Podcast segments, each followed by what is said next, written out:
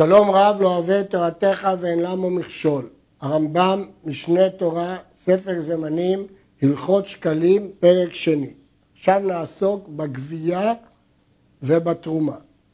כיצד כונסין השולחנין את השקלים בכל מדינה ומדינה? מניחים לפניהן שתי תיבות, שולי התיבה רחבים מלמטה ופי הצר מלמעלה כמין שופר, כדי שישליכו לתוכם ולא יהיה אפשר לקח מהם בנחת. שופרות הן תיבות שקשה להוציא מהן בשביל אבטחה. ולמה עושים שתי תיבות? אחת שמשליכים בה שקלים של שנה זו, והשנייה מניחים בה שקלי שנה שעברה, שגובים ממי שלא שקל בשנה שעברה, והם נחשבים לשיירי הלשכה ומייעדים אותם למטרות אחרות, כפי שנלמד לקמאן. במשנה קוראים לזה תקלין חטין ותקלין עתיקין. תקלין חד... שקלים חדשים ושקלים עתיקים. אגב, תקלין חטין זה שמו של פירוש של תלמיד הגר"א, חשוב מאוד על מסכת שקלים. ובמקדש היו לפניהם תמיד 13 תיבות, או בלשון המשנה שופרות. כל תיבה כמין שופר. ראשונה לשקלי שנה זו, שנייה לשקלי שנה שעברה, תקלין חטין ותקלין עתיקין. שלישית, לכל מי שיש עליו קורבן שתי תורים או שני בני יונה, אחד עולה ואחד חטאת, משליך דמיהם לתיבה זו. רביעית, כל מי שיש עליו עולת העוף בלבד, משליך דמיה לתיבה זו. חמישית, למי שהתנדב מעות לקנות בהם עצים למערכה, אם לא הקדישו עצים ממש, היו קונים במעות עצים. שישית, למי שהתנדב מעות ללבונה. שביעית, למי שהתנדב זהב לכפורת. שמינית, למותר חטאת, כגון שהפריש מעות לחטאתו, ולקח חטאת והותיר מן המעות, ישליך השאר לתוכה. תשעית, למותר אשם. עשירית, למותר כנזבים וזבות ויולדות. עשרה למותר קורבנות נזיר. שתים עשרה למותר אשם מצורע. שלוש עשרה למי שהתנדב מעות לעולת בהמה. ושם כל דבר שיהיו מעותיו בתוך התיבה כתוב על התיבה מבחוץ. ותנאי בדין הוא על כל המותרות שיקרבו עולת בהמה. נמצאת הלמד שכל המעות הנמצאות בשש התיבות האחרונות לעולת בהמה ועורותיהם לכהנים כשאר כל העורות. וכל המעות שבתיבה השלישית תילקח בהן עופות, חציין עולות וחציין חטאות, ושברביעית כולם עולת העוף. נסביר, המשנה אומרת שישה לנדבה. כל המותרות שאמרנו הם לנדבה. מה עושים בנדבה? קונים בעולות, הבשר לשם והעורות לכהנים. זה מדרש דרש או ידע כהן גדול, השם הוא השום השם להשם כל מה שבא מדין מותה ייקחו בעולות, הבשר להשם והאורות לכהנים, כך שני הכתובים מתקיימים. והרמב"ם אומר, כמו כל האורות שהם לכהנים, אין פה חידוש. והמעות שבתיבה שלישית לוקחים עופות, חציין עולות, חציין חטאות, והבעלים לא מקדיש מראש איזה כסף לעולה, איזה כסף לחטאת, אלא הכהן, כשהוא קונה, אז הוא קובע איזה לעולה ואיזה לחטאת. ברביעית כולן עולת העוף. למרות שהכהנים לא יודע מי הבעלים, הוא מקדיש לשם הבעלים. כיוון שהכסף מעורב, המשנה במסכת קינים אומרת שהדבר הזה קשה. לכאורה יש לשאול, מדוע להפריד בין התיבות האחרונות אם כולן מיועדות לקנות בהן עולות? מדוע יש צורך להפריד אותן? כנראה לשם הידור, כי סוף סוף כל אדם תרם לשם מטרה מסוימת, למרות שתנאי בדין לקחת בכולם או לא. בכל מדינה ומדינה כשגובים השקלים משלחים אותם ביד שלוחים למקדש ויש להם לצרף אותם בדינרי זהב מפני עשוי הדרך. הם יכולים לצרף, דהיינו להמיר מעות קטנות למטבע גדול כדי שיהיה קל עליהם לשאתו לירושלים והכל מתקבץ למקדש ומניחים אותו בלשכה אחת מן הלשכות שבמקדש, וסוגרים דלתותיה במפתחות, וחותמים עליה חותמות, כדי שגנבים לא יפתחו, וממלאים מכל השקלים שהתקבצו שם שלוש קופות גדולות, שהוא כל קופה כדי שתכיל תשע שאים. והשאר מניחים אותו בלשכה. זה שבתוך הקופות הוא נקרא תרומת הלשכה, וזה שיישאר שם יתר על מה שיש בקופות הוא הנקרא שיערי הלשכה. התרומה עצמה היא רק שלושת הקופות הגדולות האלה, שבכל אחד תשע שאים, בסך הכל 27 שאה. כל השאר זה שיערי, שיערי הלשכה. יש הבדל בין תרומת הלשכה, מה לוקחים מהם, כפי שנראה בהמשך, לבין מה שלוקחים משערי הלשכה. כעיקרון, מהלשכה מיועדת לקורבנות ציבור. בשלושה פרקים בשנה תורמין את הלשכה. מה פירוש תורמין את הלשכה? הרמב"ם יש לו שיטה מיוחדת בזה, שונה משיטת שאר המפרשים. שתורמים את הלשכה פירוש לקחת מן השקים הגדולים, מן הקופות הגדולות ולהעביר לקופות קטנות. בראש חודש ניסן ובראש חודש תשרי קודם יום טוב או אחריו, למרות שלשון המשנה ב-29 באלול, כדי לא לתרום ביום טוב. הרמב"ם מחדש שלא כמו פשט המשנה, שאין הבדל בין 29 לאלול לבין שלושה בתשרי, העיקר שלא יהיה ביום טוב. וקודם עצרת בחמישה עשר יום. וכיצד תורמים אותה?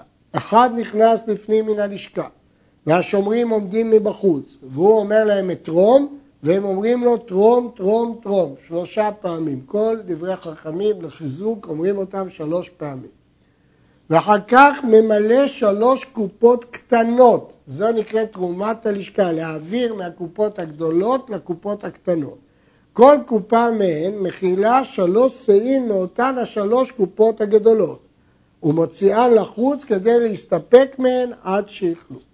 וחוזר וממלא אותן השלוש קופות קטנות מן השלוש הגדולות פעם שנייה קודם עצרת, ומסתפקים מהן עד שיכלו. וחוזר וממלא אותן פעם שלישית משלוש קופות הגדולות בתשרי, ומסתפקים מהם עד שיכלו עד ראש חודש ניסן. ובראש חודש ניסן תורמים מתרומה חדשה. לא הספיקו להם השקלים של שלוש קופות הגדולות וכלו עד שלא הגיע הניסן, חוזרים ותורמים משערי הלשכה. נסביר את התהליך.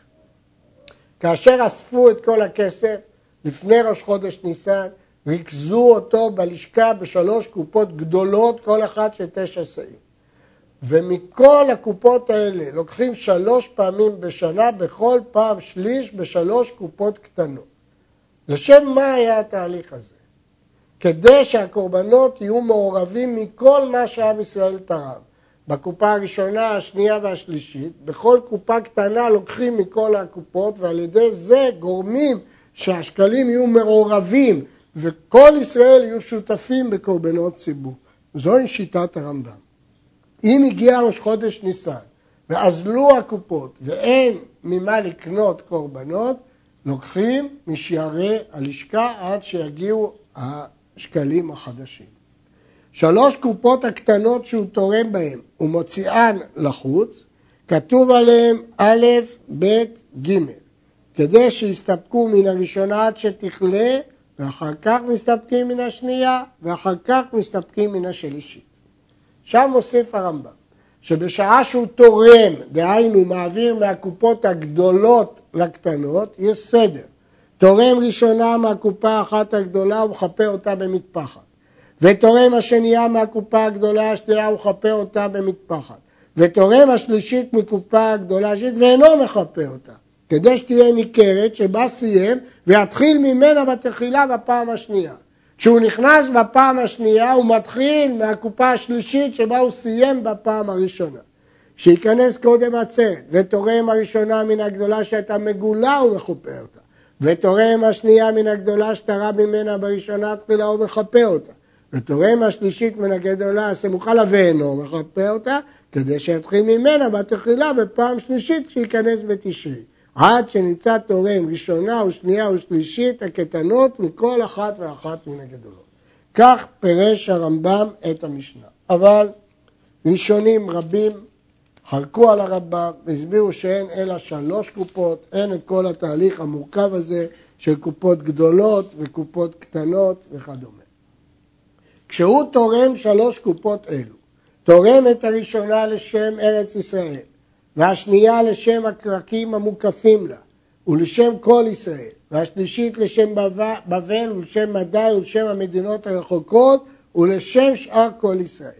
מהמשנה ומההלכה הזאת משמע שהשקלים היו מגיעים בהדרגה, קודם מהמקום הקרוב, אחר כך מהמקום היותר רחוק, אחר כך מהמקום היותר רחוק. אבל אנחנו רוצים שקורבנות הציבור יהיו שייכים לכולם. לכן, כשהוא תורם הראשונה לארץ ישראל, השנייה למקומות הקרובים, השנייה שלישית לכל שאר ישראל. אבל לא זו בלבד, אלא כשהוא תורם מתכוון לתרום על הגבוי שיש בלשכה ועל הגבוי שעדיין לא הגיע ללשכה. הוא תורם לא רק על המעות שהגיעו, אלא הוא קונה קורבנות ציבור גם על מעות שעתידים להגיע, כדי שכל ישראל יהיו שותפים בקורבן ציבור. ולא זו בלבד, לא רק מה שהגיע ומה שלא הגיע, ועל העתיד להיגבות, אפילו דברים שעוד לא גבו אותם. זה חידוש גדול, שכלל לא גבו את השקלים האלה. כל כך למה? כדי שיהיו אלו השקלים שהוציאם להסתפק מהם כפרה על כל ישראל, כאילו הגיעו כל שקליהם ללשכה ונתרמה מהם תרומה זו. כיוון שאנחנו רוצים שקורבן ציבור יהיה שייך לכל ישראל ויכפר על כל ישראל, אז גם אלה שמשום מה לא הספיקו לגבות, אנחנו רוצים שהגבייה תהיה בכל. אה, יש להדגיש שיש דיון האם שיירי הלשכה אפשר לקנות מהם קורבנות ציבור או לא. זאת מחלוקת תנאים, ולכאורה הרמב"ם פסק כאן שלוקחים משערי הלשכה. אבל הדבר לא פשוט, כי בהלכות מעילה פסק הרמב"ם שאין דין מעילה בשערי הלשכה, ורבים עמדו על הסתירה שבהלכות הללו. הלכה י' כשניכנס התורם לתרום, לא ייכנס בבגד שאפשר להחבוט בו כסף, לא במנעל ולא בסנדל, ולא בתפילה, דהיינו תפילין, ולא בקמע, שמא יחשדו אותו העם, ויאמרו החביא ממראות הלשכה תחתיו כשתרמה. ומדברים היו עמו משעה שייכנס ועד שעה שיצא, כדי שלא ייתן לתוך פיו, ואף על פי שנזהרים כל כך, עני או מישהו נבהל להון לא יתרום, מפני החשד שנאמר וייתם נקיים מהשם ומישראל. מאיפה הרמב"ם לקח את דבריו שעני ונבהל להון לא יתרום? כתוב בירושלמי, קבץ לא יתרום, קו"ו ו"ו צדיק. והרמב"ם פירש מלשון קובץ, הרעב"ד מפרש מלשון בעל שיער, שלא יחביא את הכסף בשיער. המפרשים מסבירים, מגדל עוז, שהגרסה של הרמב"ם בירושלמי היה קבץ בבית, כלומר קבצן. קבצן לא יתרום כי הוא נבהל להון. והייתם נקיים מהשם ומישראל. אדם צריך לעשות את מעשיו כדי שיהיה נקי גם בפני ישראל, ולא רק בפני השם. למרות שלא מחשבים עם הגזברים כי באמונה הם עושים, אבל הם עצמם צריכים לנהוג בצורה שלא יוטל עליהם חשד.